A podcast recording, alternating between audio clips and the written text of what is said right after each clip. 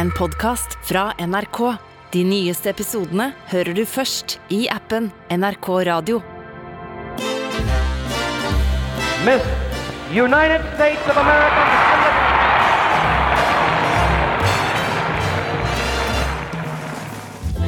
I over 70 år har unge, vakre kvinner fått krone på hodet, silkebånd over brystet og blitt kåra til skjønnhetsdronninger.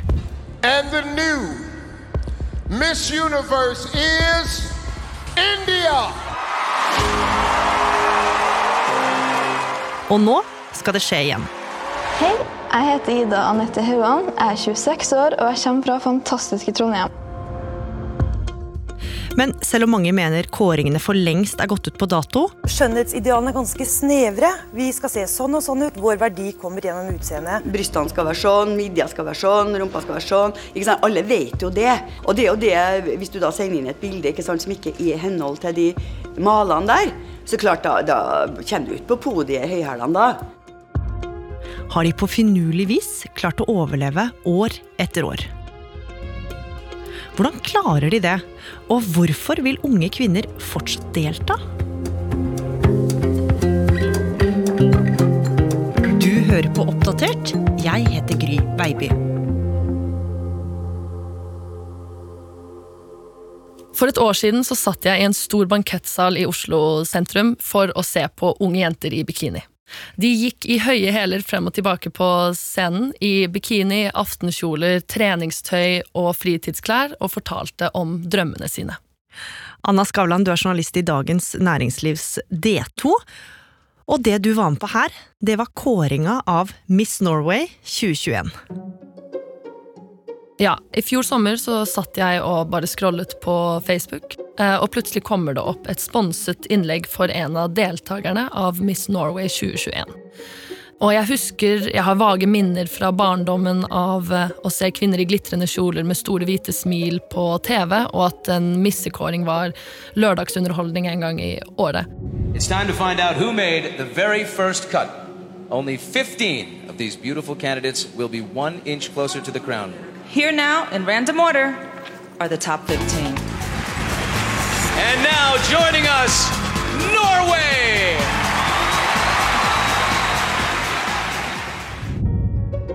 Så jeg ble veldig overrasket over at dette fremdeles eksisterte. Og da fant jeg samtidig ut at finalen av Miss Norway var like rundt eh, hjørnet, så jeg bestemte meg for å dra. Og før vi skal dukke ned i dagens missekåringer, så skal vi tilbake til der det hele starta. Året er 1951, og vi skal til en britisk mann som het Eric Morley. Han hadde jobbet i TV-bransjen og hadde stor suksess med et slags dansekonkurranse på BBC. Men nå satte han i gang et helt nytt konsept.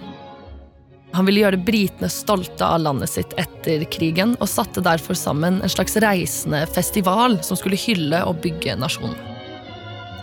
Og Som en del av denne festivalen så hadde han planlagt noe helt spesielt for å glede britene.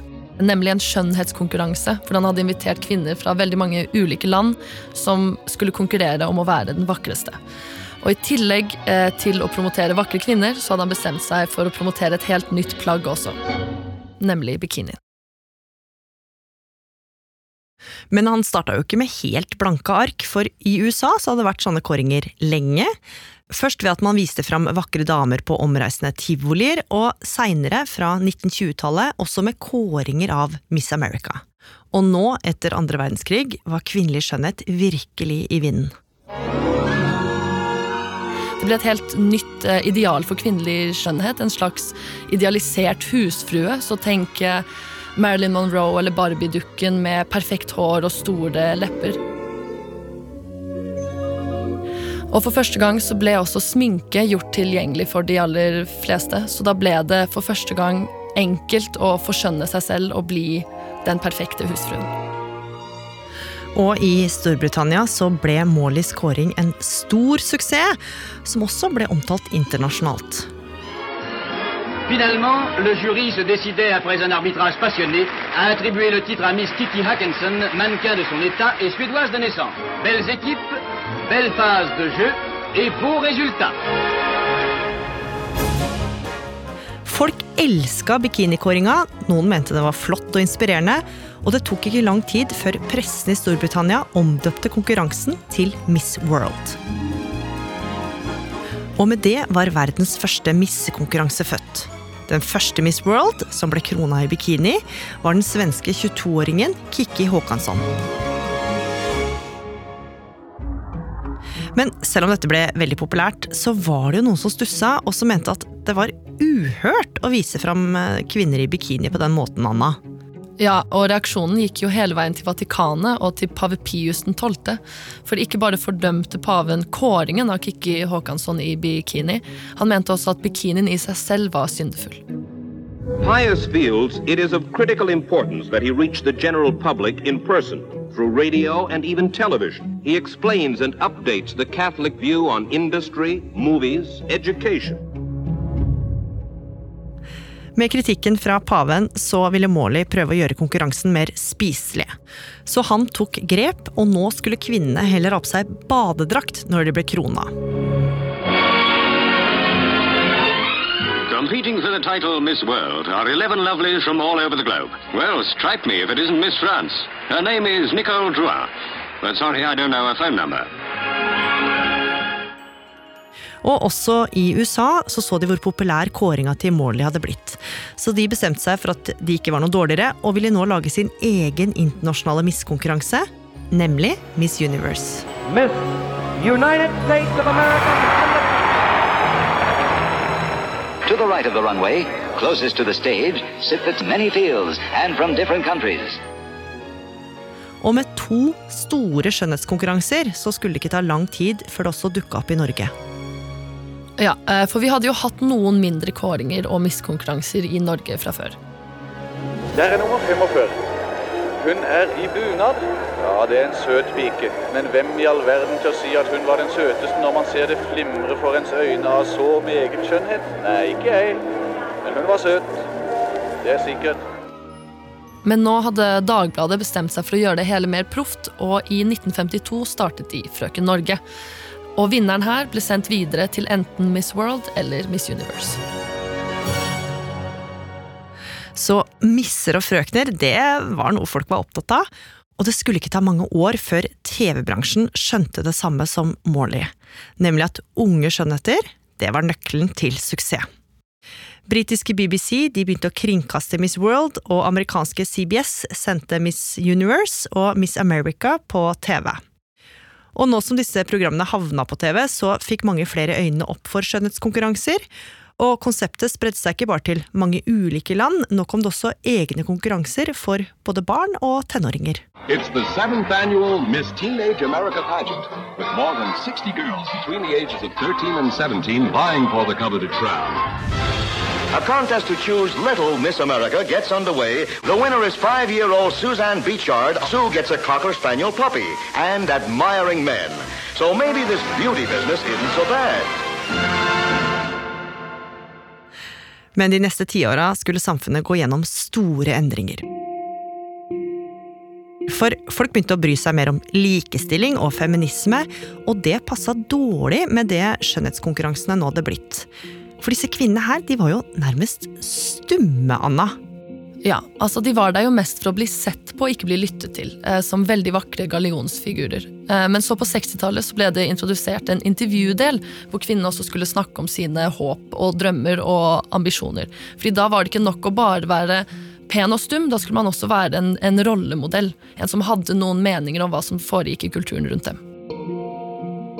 Og det ble jo ganske tydelig at mange av disse kvinnene hadde den samme drømmen, den samme, det samme håpet for eh, fremtiden. Fordi de kunne jo ikke være særlig politiske eller kontroversielle. De måtte jo si noe de aller fleste kunne være enig med dem i. Ja, og en ting mange drømte om, var jo verdensfred. Ja, helt riktig. For det var jo viktig for arrangørene at ingen skulle kunne bli støtt av det som ble sagt. Det her var jo tross alt familieunderholdning. Og selv om Miss World nå hadde satt i gang noen tiltak for å sørge for at konkurransen passa inn i tida, så var det noen som mente at det ikke var nok.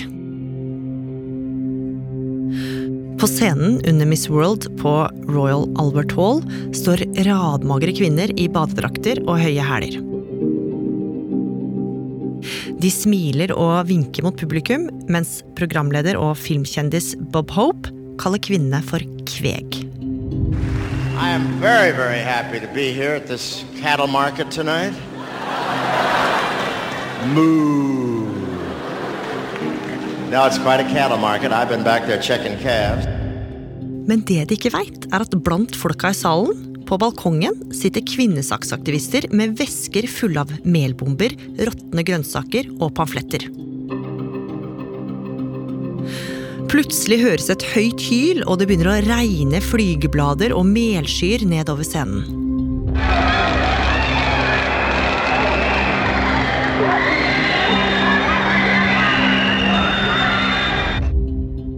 Det oppstår et kaos der kamera sveiper over kvinner som blir ført ut av politiet.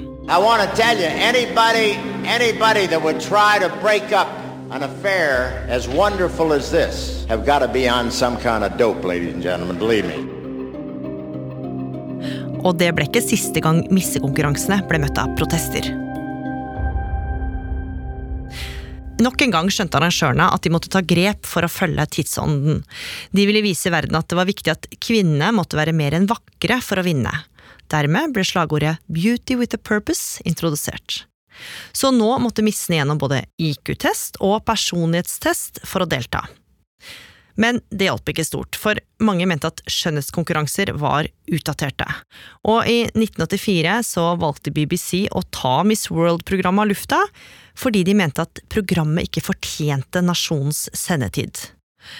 Men selv om mange var skeptiske, så skulle missekonkurransene få en uventa renessanse, Anna. For så kom vi jo til 90-tallet, altså supermodellens tiår.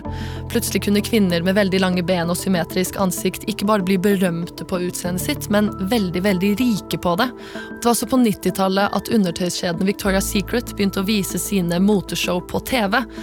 Og plutselig hadde skjønnhetskonkurransene fått en plass i underholdningen og kulturen igjen. Og i bl.a. Venezuela kunne du se at de begynte å åpne misseskoler, hvor jenter ned til fem-seks-årsalderen kunne lære seg å bli en perfekt missedronning. Og for mange av kvinnene som gikk på disse skolene, så var en skjønnhetskonkurranse en av de få veiene ut av fattigdom.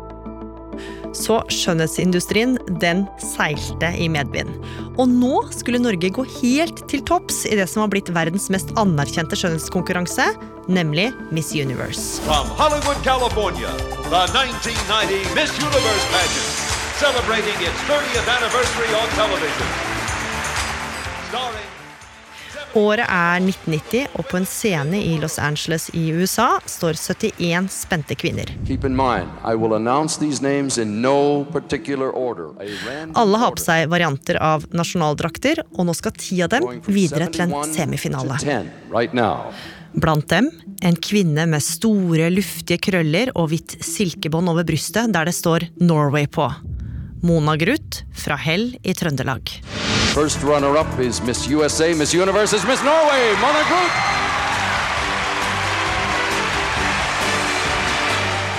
Og mens tårene triller og den store krona tres over hodet hennes, skal livet hennes endres for alltid. 90, you won all the cash awards and the fabulous prizes worth nearly a quarter of a million dollars. Den 19 år gamle Mona Gruth fra Mæla i Stjørdal i natt ble kåret til Miss Universe i Los Angeles i USA. Det er første gang at en norsk jente er kåret til Miss Universe. Dette var jo kjempestort. Mona Gruth reiste rundt i hele verden som da ansiktet av Miss Universe. Hun ble kalt for The Beauty Queen from Hell, som et lite nikk til hjemstedet i Trøndelag. Og når man så på hva slags liv Mona Gruth plutselig levde etter seieren, så kunne man jo skjønne hvorfor mange kvinner ønska å gå i hennes fotspor. For det her var jo en billett rett til topps. Eh, På det året hun var Miss Universe, så besøkte hun over 30 land, sto og tok bilder med statsledere og smilte på åpninger. Hun var å se i små roller på TV og film, og hun var til og med sendt på turné for å underholde amerikanske soldater som var stasjonert i utlandet. På toppen av det hele så fikk hun en leilighet i New York og ble rett og slett en slags superstjerne. Men selv om 90-tallet ble missenes storhetstid, så slutta ikke kontroversene av den grunn. For da kjøpte selveste Donald Trump opp hele Miss Universe og kom med uttalelser om viktigheten av at missedronninga skulle holde seg tynn. About two and a half billion people around the world will be watching Miss Universe tonight. This morning we have two very special people Donald Trump, who owns Miss Universe, along with uh, CBS, and Alicia Machado, the current Miss Universe. Thank you both for being with us. Thank you. Uh, Donald, let's start with you. Uh, casinos, hotels, high class buildings. Why Miss Universe?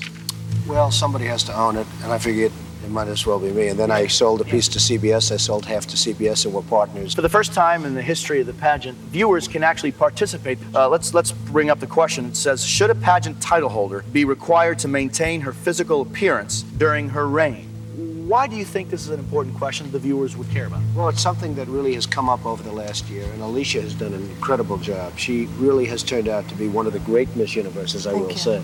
And she had a little problem during the middle where she gained a little weight. I don't think of- so. Yeah, she's probably right. I don't think so. Men det var ikke det siste Trump skulle si om Miss Universe, for han mente at det hadde blitt for mye fokus på deltakernes personlighet. I et radiointervju så sa han annet at konkurransen var som en syk valp da han skulle ta den eh, over. Og refererte til eh, en deltaker som hadde sagt at det var veldig positivt at flere kvinner var blitt leger, men det syntes Trump var totalt uinteressant. Senere sa han også at hans ambisjon for konkurransen var å gjøre hælene høyere og bikiniene mindre. Men kontroversene stoppa ikke med det, for lenge prøvde også Trump å stoppe transpersoner fra å delta. Men til slutt, i 2012, så måtte han gi etter. She will be entering the Miss Canada pageant, but we went strictly by the laws. You heard it. Donald Trump has just revealed to Showbiz Tonight he's reversing course, and he now is letting transgender beauty queen Jenna Talakova compete in his Miss Universe pageant. Trump skulle eie missekonkurransene helt fram til 2015. Da måtte han selge pga. diverse kontroversielle politiske uttalelser. Og i åra som fulgte, så gikk det litt opp og ned med populariteten til de store missekonkurransene, og spesielt her i Norge. Etter hvert var det færre og færre annonsører som ønska å sponse konkurransene på TV, og da arrangørene til slutt sto helt uten noen sponsorer, så blei det kroken på døra for Miss Norway på TV. Og man kan jo tenke seg at det her kunne betydd slutten for hele konkurransen i Norge, men det blei det ikke. For de fortsatte med konkurransene, og mange melder seg på. Og Anna, du fulgte noen av disse deltakerne i fjor sommer for å prøve å finne ut av hvorfor de vil delta.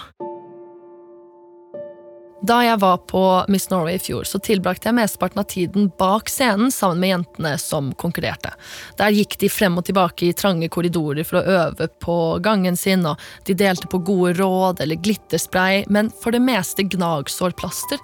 De hadde nemlig så ufattelig vondt i føttene sine, fordi en av reglene er at du må ha på hæler som er minst 12 cm høye. Og dette var ikke den eneste regelen disse kvinnene måtte forholde seg til.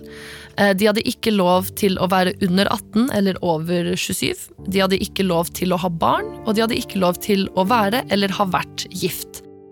Og det skal heller ikke være mulig å finne noen nakenbilder av dem på nettet.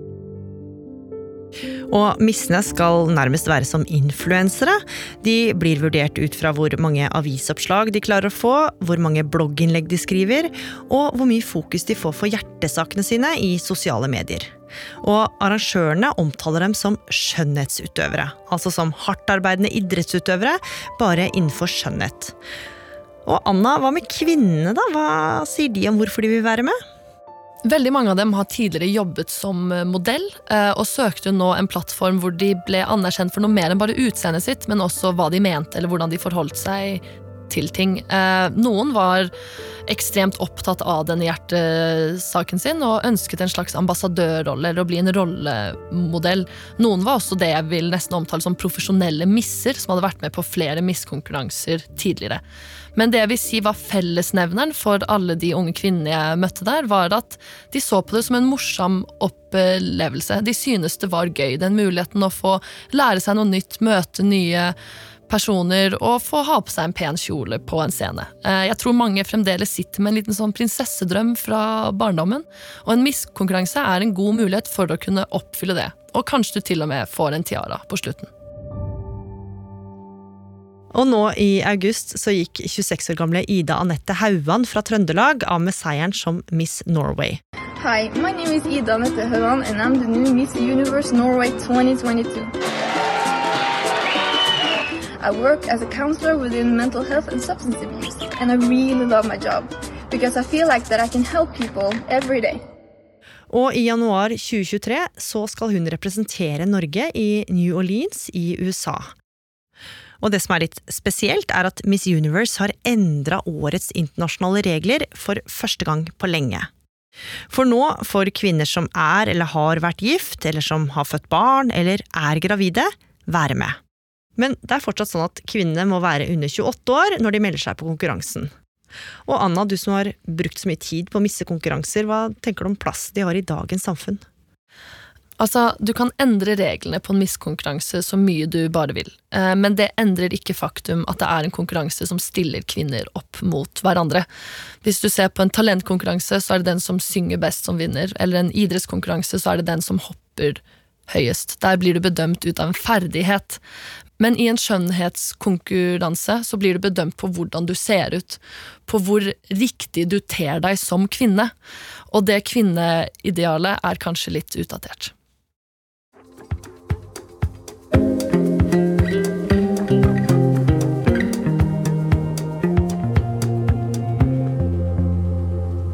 Du har hørt en episode av Oppdatert som er fra NRK Nyheter. Research og regi Kaja Kirsebom. Lyddesign Espen Bjørlo Mellem. Vaktsjef Ina Swann. Og programleder var meg, Gry Veiby. Programredaktør er Knut Magnus Berge. I denne episoden så har du hørt klipp fra CNN, CBS, Miss Universe, British Paté, Miss World, Universal Crowns, T-Pageant, Historic Film Stock Footage, The Guardian, AP og NRK. Har du tips eller innspill, så må du gjerne sende oss en e-post på oppdatert krøllalfa nrk.no. Og du, liker du det du hører, så må du gjerne tipse en venn om oss. Du har hørt en podkast fra NRK. De nyeste episodene hører du først i appen NRK Radio.